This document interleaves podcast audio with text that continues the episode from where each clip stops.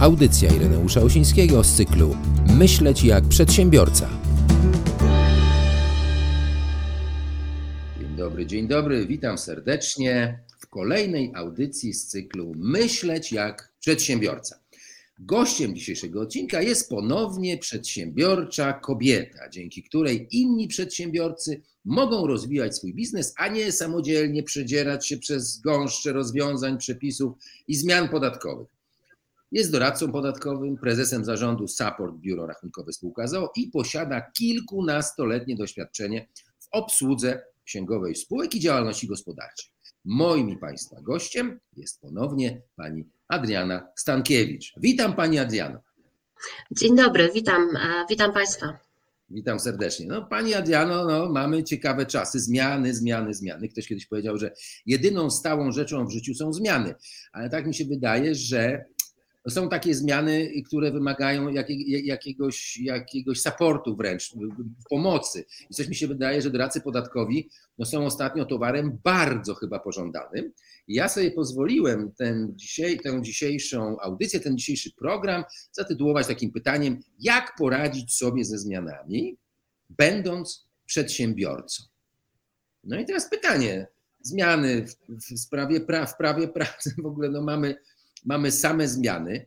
No i teraz pytanie, jak sobie radzić w ogóle z tymi zmianami? Na przykład, nie wiem, bo są pewne zmiany, na które trzeba się przygotowywać, a są takie zmiany, które nas zaskakują. Hmm?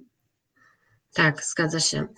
Czasami mamy tą szansę, bo znamy przepisy wcześniej i możemy się do nich przygotować, a czasami spadają trochę jakby z nieba na nas, albo nie wiemy o nich, i po prostu spadają na nas i musimy coś zrobić. A oczywiście najlepszym rozwiązaniem jest mieć dobre wsparcie fachowe, czy doradcy podatkowego, czy radcy prawnego, który jest we stałej współpracy, który wskazuje te zmiany, który pomaga, który wspiera. Natomiast zdaję sobie sprawę z tego, że nie każdy przedsiębiorca ma na to czas e, i nie każdy może korzystać z takich usług. E, więc dlatego chciałabym uczulić przedsiębiorców na to, żeby jeżeli nie mogą, to żeby chociaż samodzielnie w jakimś zakresie próbowali zapanować nad tymi zmianami, e, chociażby przez prenumerowanie różnego rodzaju czasopism, newsletterów, e, wszystkiego, co jest e, dostępne dla przedsiębiorców. Teraz mamy bardzo szeroko taką kampanię o zmianach, które nastąpią w przyszłym roku, czyli Polskim Ładzie. Mówi się o tym dość dużo. Natomiast w tym Polskim Ładzie, jak, jak wszyscy wiemy, jest jeszcze dużo luk i nie do końca te przepisy są jasne. Natomiast przedsiębiorcy już teraz powinni powoli przygotowywać się na te zmiany, które będą w przyszłym roku. Wspomniał Pan o, o prawie pracy. To, to też jest taki element, który mm, dość jest istotny. Natomiast trzeba na to patrzeć szerzej. Pracownicy są naszym kapitałem, powodują, że firma się rozwija, że firma przynosi zyski. Co znaczy, że musimy o nich dbać. Jeśli chcemy o nich dbać, to oczywiście musimy ich dobrze wynagradzać. Żeby tak jednak było, musimy mieć odpowiednie zyski, które sobie zapewnimy, żeby te wynagrodzenia były odpowiednio wysokie. To, że zmienia się e, co chwilę przepisy i to, że my musimy reagować, bo wprowadzono nam PPK, które miało być dobre dla pracowników, miało być do, dobre dla pracodawców, jakimś elementem motywującym. W efekcie okazało się, że wielu przedsiębiorców albo w ogóle nie wdrożyło tego programu dla pracowników, albo pracownicy sami zrezygnowali, e, bo nie chcą z tego korzystać, bo nie widzą korzyści odkładania na emeryturę na przyszłość w takim wariancie, jakie nam zaproponowało państwo. I przedsiębiorcy, którzy prowadzą jednoosobowe działalności gospodarcze, którzy płacą ZUSy, i tak już wysokie, e, też mają takie przekonanie, że to by im też nic nie dało. Natomiast w przyszłym roku to będziemy niestety obciążeni dodatkowymi, e, dodatkowymi jakby e, funkcjonowania państwa, bo będziemy dodatkowo opłacać składkę zdrowotną właśnie od e, przedsiębiorców, tak? Czyli przedsiębiorcy będący na indywidualnych działalnościach gospodarczych, w zależności od formy, jaką wybiorą, czy będzie to e, podatek liniowy, gdzie będą płacić 4,9% dodatkowo składki na ubezpieczenie zdrowotne, zamiast tej tak zwanej ryczałtowej, którą płacą teraz, bądź ewentualnie 9%, jeśli wybiorą zasady ogólne, i mamy jeszcze ryczałtowców, którzy będą w ogóle w progach, w zależności jaki dochód będą osiągać. Więc sam proces jakby mm, podejścia do tego tematu jest taki, że te konsultacje mm, z przedsiębiorcami, no ja bym oceniła jako słabe, że jakby nie było to do końca zrozumiane, że są branże, w których po prostu są niskie zyski bo marże są bardzo niskie i e, liczenie tego w ten sposób jakby e, nie jest korzystne dla przedsiębiorcy. Ja rozumiem oczywiście, że państwo potrzebuje pieniędzy, że potrzebujemy wesprzeć służbę zdrowia w tych trudnych czasach, tak? co zaproponowane, no nie jest wygodny dla przedsiębiorców i to jest taki jakby dodatkowy podatek. Tak przedsiębiorcy na to patrzą, bo przecież wszyscy jak chcemy iść do lekarza, to jednak większość e, idzie prywatnie, tak? I przedsiębiorcy mi mówią właśnie o tym, dlaczego płacimy tyle ZUS-u, a mamy płacić jeszcze więcej, a jak jestem chory, to idę prywatnie. A jak jestem chory, to nie idę na L4, bo na chorobowe nie liczę, bo się nawet do niego nie zgłaszam, bo to są dodatkowe koszty, których nie chcę ponosić. Więc jakby patrząc w ten sposób, e, to to ubezpieczenie zdrowotne, którym zostaniemy dodatkowo obciążeni, jest dużym e, wydatkiem tak naprawdę dla przedsiębiorcy, a przedsiębiorca w związku z tym ma mniej funduszy na to, żeby wynagradzać swoich pracowników. I tu wracamy znowu do tego, czyli ten kapitał ludzki, E, który też w zależności od poziomu wynagrodzeń, ok, pokazuje się e, zestawienia, z których wynika, że jeszcze przy gdzieś poziomie wynagrodzenia 5,5 tysiąca brutto osoba zarobi, drobne pieniądze, ale zarobi, ale jak ktoś zarabia więcej, no to już tak naprawdę nie ma e, korzyści. To on w pewnym momencie zacznie tracić. A jednak jeśli chcemy utrzymać e, pracowników e, wykwalifikowanych, ja tu nie mówię tylko o pracownikach biurowych, ale mówię też o pracownikach fizycznych, którzy w tej chwili mają dość wysokie wynagrodzenia i one są często nawet wyższe od pracowników biurowych, bo to są wysokiego szczebla specjaliści, na przykład spawacze, którzy potrzebują dobrego wynagrodzenia. Więc jak przedsiębiorca ma zadbać o pracowników jak ma zadbać o siebie, skoro państwo tak dużo zabiera. No to jest, to jest ciekawe. E, właśnie chciałem się zapytać o te zmiany w zakresie e, opłacania składek na ZUS. No bo y, tak słyszę, że większość przedsiębiorców będzie chciało się przekształcać, tak? Czyli nie, nie zostać na działalności gospodarczej, tylko przekształcić się w spółkę ZO albo w ogóle otworzyć inną spółkę ZO e, i tą działalność zamknąć. Pytanie, czy to jest, czy, czy, czy to jest dobry kierunek? Co by pani radziła? Mhm. To tak naprawdę. Otworzyć spółkę ZO. Jasne. Tak naprawdę musimy do tego podejść bardzo indywidualnie, czyli z kimś usiąść i to policzyć. E, ja bym powiedziała, że e, warto sobie przeanalizować przychody i dochody za ostatnie trzy lata. Jakie one były? E, zrobić prognozę na rok, na rok kolejny i dopiero w oparciu o to, że znajdziemy pewien poziom dochodów prawdopodobny, który możemy osiągnąć, to dopiero wtedy decydować, czy jednak zostać na działalności gospodarczej, bo może się okazać, że jeżeli ktoś ma poziom dochodu na przykład 400 tysięcy w skali roku, to podatek liniowy nie jest taki zły, bo owszem, zapłaci 19%, tak jak do tej pory, ale dodatkowo zapłaci 4,9% i ma jakby wszystko z głowy, tak? W sensie takim, że już nie ma większych obciążeń, nie musi myśleć, kombinować. Natomiast jeżeli zdecyduje się na stworzenie spółki ZO, to ma tutaj dodatkowe obciążenia w postaci tego, że nie może sobie tak łatwo pieniędzy ze spółki ZO wypłacić. To o tym też mówiliśmy w naszym poprzednim spotkaniu, że nie jest to taka prosta sprawa. Ma pełną księgowość, co powoduje, że to kosztuje go drożej.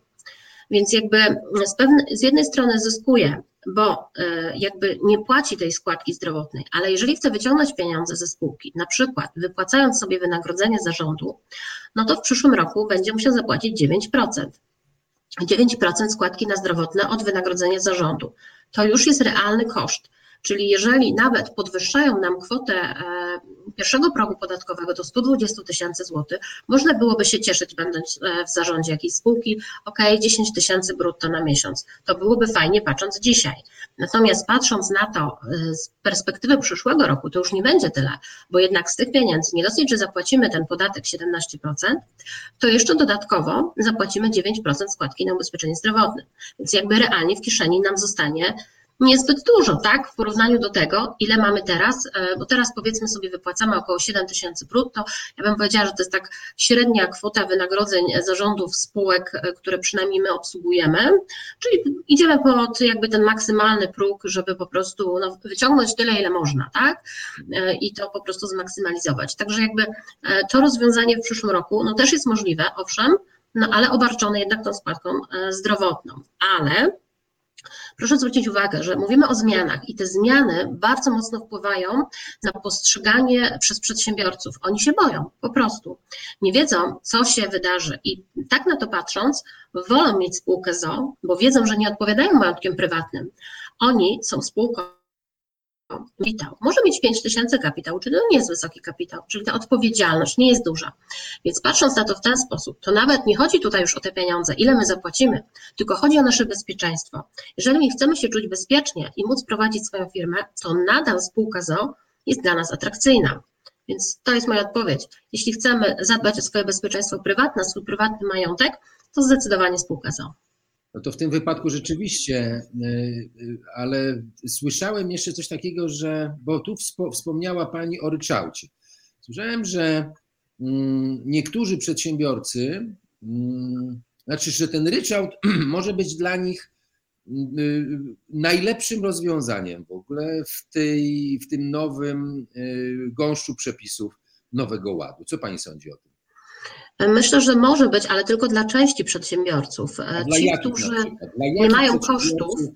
Aha. Tak, czyli na przykład e, osoby, które są specjalistami e, i którzy albo fakturują własne spółki, albo po prostu świadczą usługi dla, dla jakiejś zewnętrznej firmy, ale są specjalistami z branży czy marketingu, czy, czy reklamy szeroko pojętej, czy nawet z branży finansowej, to oni owszem mają małe koszty, w związku z tym dla nich to rozwiązanie jest ok, natomiast dla tych, którzy zatrudniają pracowników, to może się okazać niekorzystne jednak finansowo.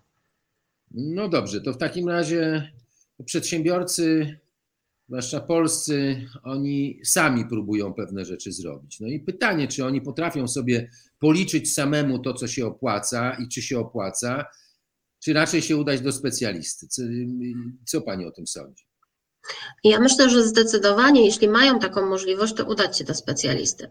E, proszę pamiętać, że mm, samodzielne wyliczanie czegokolwiek może się skończyć tym, że owszem, wydaje nam się, że coś mamy zaoszczędzone, ale stracimy więcej, bo nie zwrócimy uwagi na pewne elementy. Ale oczywiście przy takiej wizycie i takiej konsultacji warto powiedzieć wszystko, czyli tak naprawdę nie zapominać o jakimś źródle dochodu, które mamy, bo jeśli o czymś zapomnimy powiedzieć, to może się okazać, że ta konsultacja jednak nie będzie efektywna dla nas.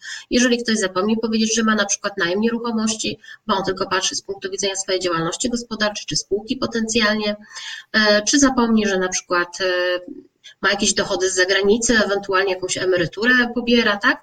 E, te wszystkie elementy trzeba wziąć pod uwagę, czyli na takie spotkanie trzeba przyjść przygotowanym. I tak jak powiedziałam wcześniej, te trzy lata, te wyniki finansowe za trzy lata na pewno, plus jakaś wstępna prognoza na przyszły rok też na pewno by się przydała.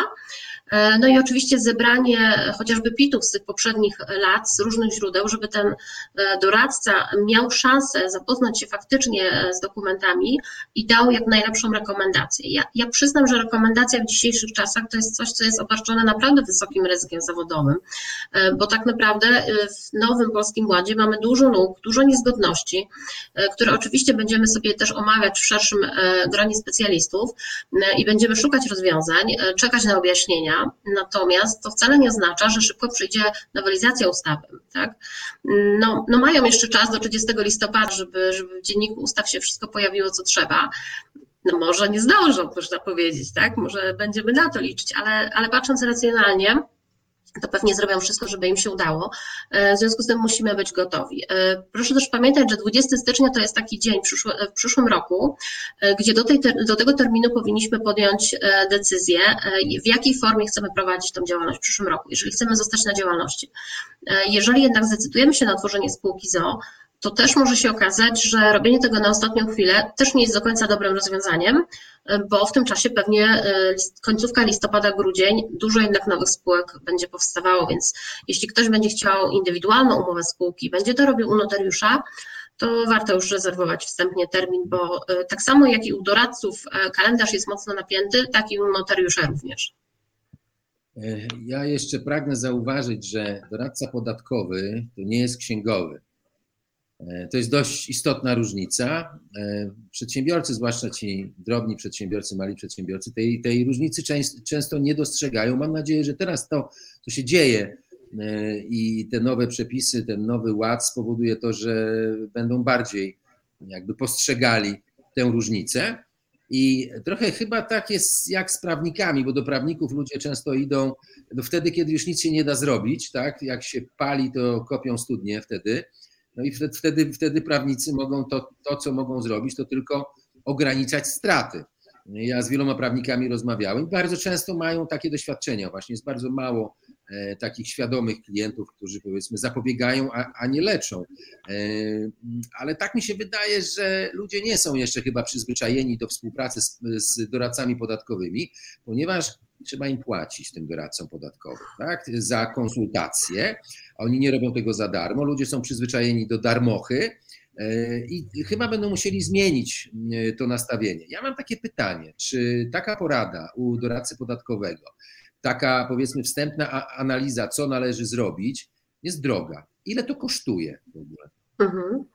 To jest trudne pytanie, bo ja bym powiedziała, że są dwie odpowiedzi. Z jednej strony, czy jest to klient, z którym współpracujemy na stałe? W związku z tym, że ja na przykład posiadam również to biuro rachunkowe, to klienci mojego biura mają raz, że preferencję czasową, czyli są jakby szybciej informowani o pewnych zmianach.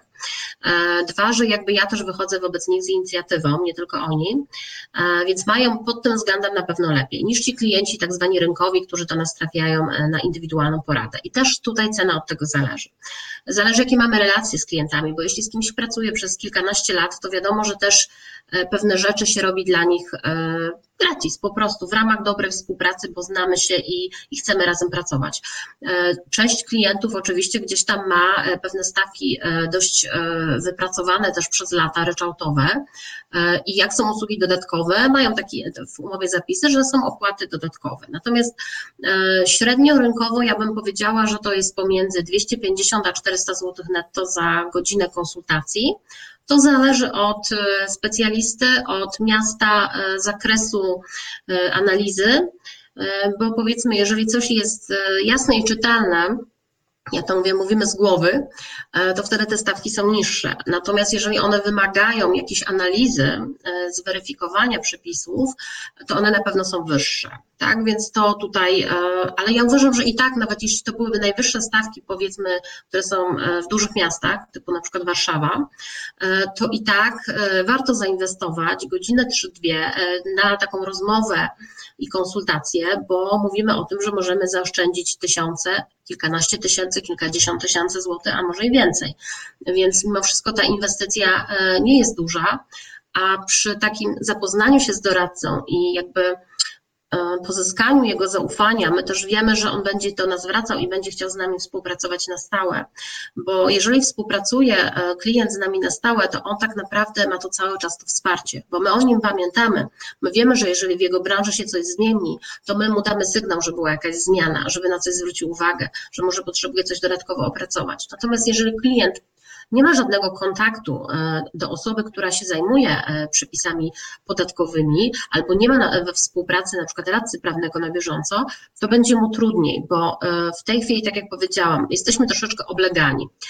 Wczoraj miałam okazję uczestniczyć w takim wydarzeniu w Wielkopolsce, gdzie świętowaliśmy 25 lat doradztwa podatkowego cudowne spotkanie z ludźmi e, z samorządu, e, którzy naprawdę wiele zrobili dla e, Wielkopolski i nie tylko.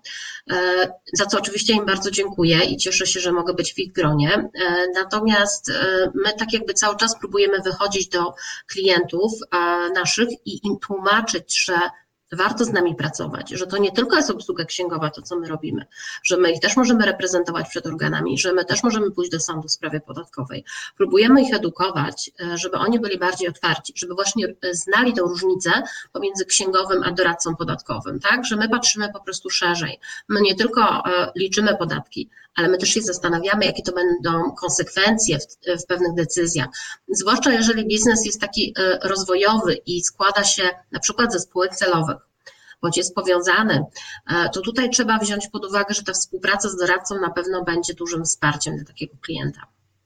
Okej. Okay. Ja zauważyłem też ciekawą rzecz, że y, coraz mniej się zostawia czasu, znaczy nasi, nasi rządzący, ustawodawcy zostawiają y, bardzo mało czasu na zapoznanie się z tymi przepisami, na możliwość przygotowania się do tych zmian. Jest pytanie, y, jak, jak, jak w ogóle, y, że tak powiem, się za to zabrać, tak? Jak, jak czy to jest w ogóle możliwe, żeby przedsiębiorcy jakoś radzili sobie w miarę w biznesie, jeżeli są zaskakiwani nowymi zmianami, które no, całkowicie przewracają, znaczy mogą przewrócić ich biznes. tak? I, mhm. i zmienić w ogóle możliwości zarobkowania, tak? bo to jak ktoś działa na małych marżach, no to, to, to go po prostu może zabić i tyle. Tak, prawda. Znaczy, y, no można próbować y, w jakiś sposób wchodzić na przykład w organizacje mm, z danej branży, y, organizacje branżowe, które wspierają, bo wtedy, jeżeli w danej branży są jakieś zmiany, to one o tym informują. To też jest na pewno wspierające. Czyli jeżeli nie mamy doradcy podatkowego, nie mamy radcy prawnego, we współpracy. Możemy próbować z organizacjami właśnie takimi branżowymi, które na pewno dadzą nam też dodatkowe wsparcie. Warto właściwie obserwować, co się dzieje we własnym mieście, w którym się jest, tak? Bo czasami się zdarza, że na przykład, tak jak Urząd Miasta Poznania e, organizował też spotkania dla przedsiębiorców z doradcami podatkowymi. My tłumaczyliśmy, jak otworzyć działalność gospodarczą, jaką formę opodatkowania wybrać. I to były spotkania darmowe w ramach jakby współpracy z Urzędem Miasta Poznania. I robiliśmy takie rzeczy nie tylko w Urzędzie Miasta Poznania, to się odbywało na terenie całego kraju. E, więc jakby też jakby obserwacja tego, co się dzieje w naszym urzędzie miasta, co się dzieje w naszej okolicy, bo są zarówno i doradcy podatkowi, jak i prawnicy e, starają się dawać to wsparcie swoim e, klientom czy potencjalnym klientom i dużo rzeczy też jakby można dostać darmowo. E, jest dużo portali, ja bym teraz nie chciała reklamować jakiejś konkretnej firmy, ale jest naprawdę dużo portali takich podatkowo-księgowych, do których warto się zapisać i po prostu otrzymywać newslettery. Również na Facebooku też można się pododawać do bardzo wielu firm, które mm, zamieszczają takie informacje i po prostu to też na pewno daje duże wsparcie bo jak są zmiany podatkowe, to na pewno jest tam informacja. Ja widzę innego rodzaju problem, taki, że nie wszystko dotyczy podatków, księgowości i finansów. I wtedy, a jednak jest to coś, doty, dotyczy przedsiębiorcy. E, to jest właśnie na przykład e, nasze RODO, które nam nagle wdrożono, czy to jest na przykład rejestr beneficjentów rzeczywistych, który też został wdrożony. I to są przykłady tego, że to tak naprawdę nie dotyczy zupełnie e, księgowości, finansów czy podatków, a klienci, jak w ogóle usłyszeli o tym, to zwracali się na przykład do nas z takim pytaniem, jak my to widzimy, co oni mają zrobić, jak oni mają to wdrożyć. I tak naprawdę to nie jest zupełnie zakres naszych zadań. Natomiast e, ja zawsze wychodziłam z założenia, że jeżeli coś dotyczy przedsiębiorcy, ogólnie rzecz biorąc, i ja o tym wiem, mam o tym informację, to nasi klienci są o tym informowani. E, jak oni to zrobią, e, to już jest jakby inna kwestia. Jeżeli możemy pomóc, to to zrobimy. Natomiast nie wszystko można zrobić za klienta. To tak na przykład ten rejestr beneficjentów rzeczywistych wspomniany, no tam trzeba się niestety zarejestrować samodzielnie. Czyli ten prezes spółki musi o to zadbać, e, żeby został tam wpisany. Mówiliśmy też o tym, że. Jeżeli nigdy czegoś takiego nie robił, to skąd on ma wiedzieć, jak to trzeba zrobić, kiedy to trzeba zrobić i po co to trzeba zrobić i co mu grozi za to, że tego nie zrobi?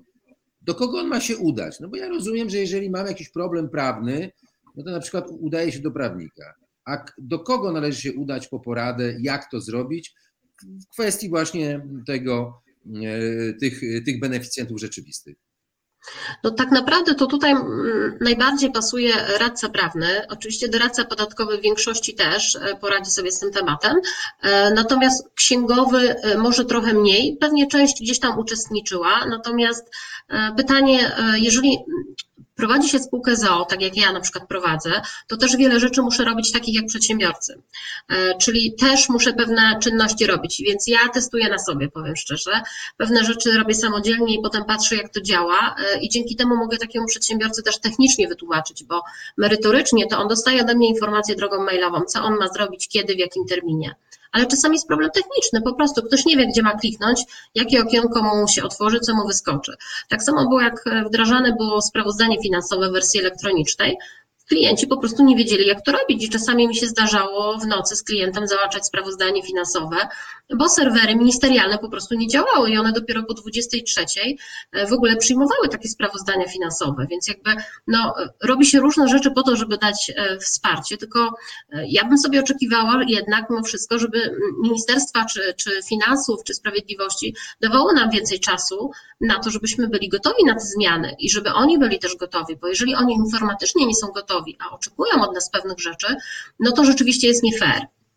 To często widać też w programach finansowo-księgowych, e, gdzie po prostu niektóre firmy e, nie nadążają ze zmianami, tylko dlatego, e, że jest coś opublikowane na stronie Ministerstwa Finansów, ale nie ma jakichś kodów źródłowych, nie ma jakichś linków do czegoś i te firmy informatyczne nie są w stanie tego zrobić. I oni robią to na raty, tylko oni nie biorą pod uwagę tego, że jak ktoś prowadzi obsługę kilkuset firm, to potem ma rzeczywiście problem z tym, że musi aktualizować te kilkaset baz danych. Oni tylko patrzą, jakby każdy prowadził tylko własną firmę. Więc to, do czego jakby prowadzi ministerstwo, to albo żeby iść w wersję bardzo uproszczoną, czyli tego ryczałtu, e, albo e, mieć spółkę ZO i wtedy jak ktoś ma spółkę ZO, to ma własną księgowość, czy ewentualnie księgowość zewnętrzną. E, zupełnie tak jakby zapominają o tych przedsiębiorcach w środku. Nie? Więc jakby albo wersja bardzo uproszczona, albo wersja zaawansowana. Tak to mniej więcej wygląda.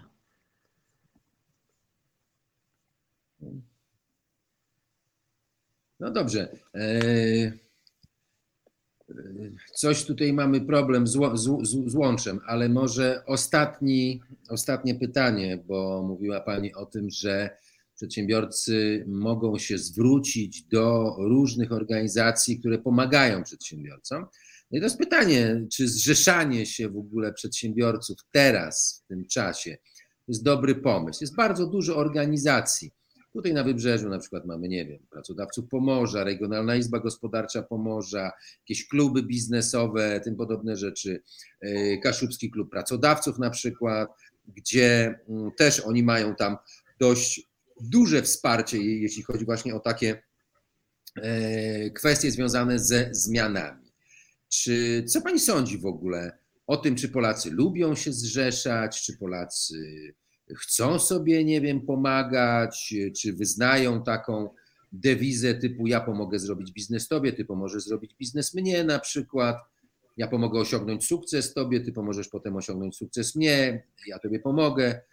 Co pani sądzi o tym w ogóle? Czy to, nie wiem, czy spotyka się pani z takim podejściem na przykład wśród, nie wiem, swoich klientów albo w, w, w ogóle w życiu biznesowym? Mhm. To znaczy, no tak jak Pan wie, ja jestem też członkiem Biznes Club Polska, e, organizacji, e, którą prowadzi e, Artur Sujka jako prezes. No, tego pytam właśnie. I ja oczywiście jestem za, jak najbardziej, bo uważam, że to jest świetne rozwiązanie i, i staramy się to propagować wśród przedsiębiorców, że warto jest właśnie współpracować, a nie konkurować i takie, takie hasło nam przyspiesza, jakby to jest coś, co wskazuje nam drogę, jak działać.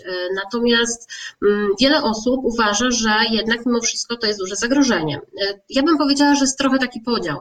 E, młode pokolenie przedsiębiorców, czyli powiedzmy takich do 30 roku życia, e, oni są otwarci na różne rzeczy i ich łatwo jest zaangażować.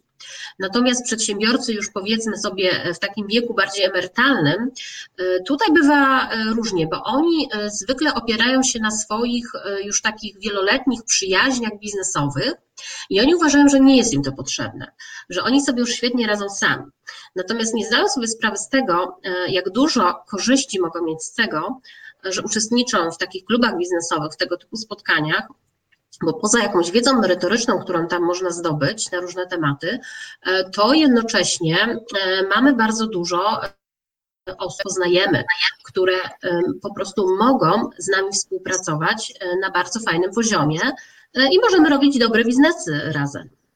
No więc właśnie, bo ostatnio byłem y, na pewnym spotkaniu klubu biznesowego i mm, e, było, była część merytoryczna, e, były rozmowy na tematy bieżące, zmian i tak dalej. No i pan prezes powiedział, że po tej części merytorycznej będzie właśnie taka część, gdzie możemy się spotkać, porozmawiać ze sobą, zobaczyć kto komu w czym mógłby pomóc i tak dalej. Na tym spotkaniu było chyba około 50-60 osób.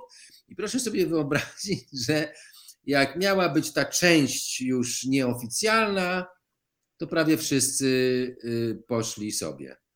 Zostało tylko kilka osób po prostu, które tam, nie wiem, ze, sobą gadały, E, a reszta miała to gdzieś, uciekli. Także nie wiem, co się musi zadziać w Polsce, e, żeby ludzie zauważyli to, że warto ze sobą współpracować, że biznes to sport kontaktowy, że tutaj dobrze by było, aby budować, znaczy uczyć się budowania relacji, komunikacji i budowania biznesu na bazie rekomendacji. Mało kto w ogóle rozumie, o co tu chodzi, i wspomniany Artur Sujka, właśnie e, zaczynamy dość mocno współpracować i będziemy przygotowywali z Arturem Sujką, bo e, zainspirowałem go do tego, żebyśmy wspólnie przygotowali e, takie warsztaty, takie kursy, które będą uczyły tego przedsiębiorców w tych czasach trudnych, które teraz nadchodzą, że warto współpracować, a nie konkurować. Pani Adriano, bardzo dziękuję w takim razie za to spotkanie.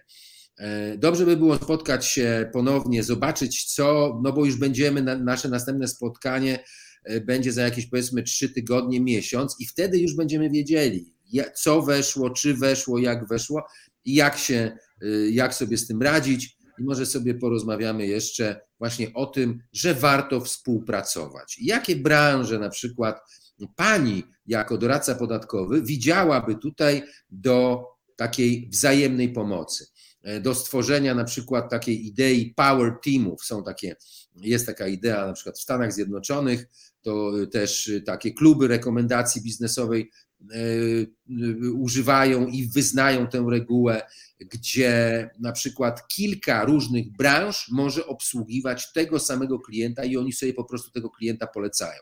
I nie ma znaczenia do kogo e, ten klient trafi w tym power teamie, to reszta go poleca e, kolejnym ludziom z tego power teamu. Możemy mhm. sobie o tym porozmawiać, bo wiem, że wy w Biznes Klub Polska w ten sposób też e, działacie i osiągacie naprawdę niezłe, niezłe sukcesy i wyniki. Super, to ja myślę, że bardzo chętnie na ten temat porozmawiam. Bardzo dziękuję, trzymam kciuki w takim razie. No i mam nadzieję, że nie wydłużył się Pani dzień pracy, no bo doba ma 24 godziny, a tych klientów chyba przybywa cały czas, także e, liczę na to i życzę Pani skalowania tego biznesu, no i znajdowania dobrych współpracowników, którzy będą mogli, znaczy dzięki którym Pani biznes będzie się rozwijał. E, bardzo dziękuję za zaproszenie e, i mam nadzieję, że się Pana życzenia tutaj mi spełnią i nam wszystkim przedsiębiorcom będzie się żyło łatwiej i prościej w przyszłym roku również. Dziękuję Wszystkiego bardzo. dobrego w takim razie. Do zobaczenia. Dziękuję bardzo za spotkanie. Do zobaczenia.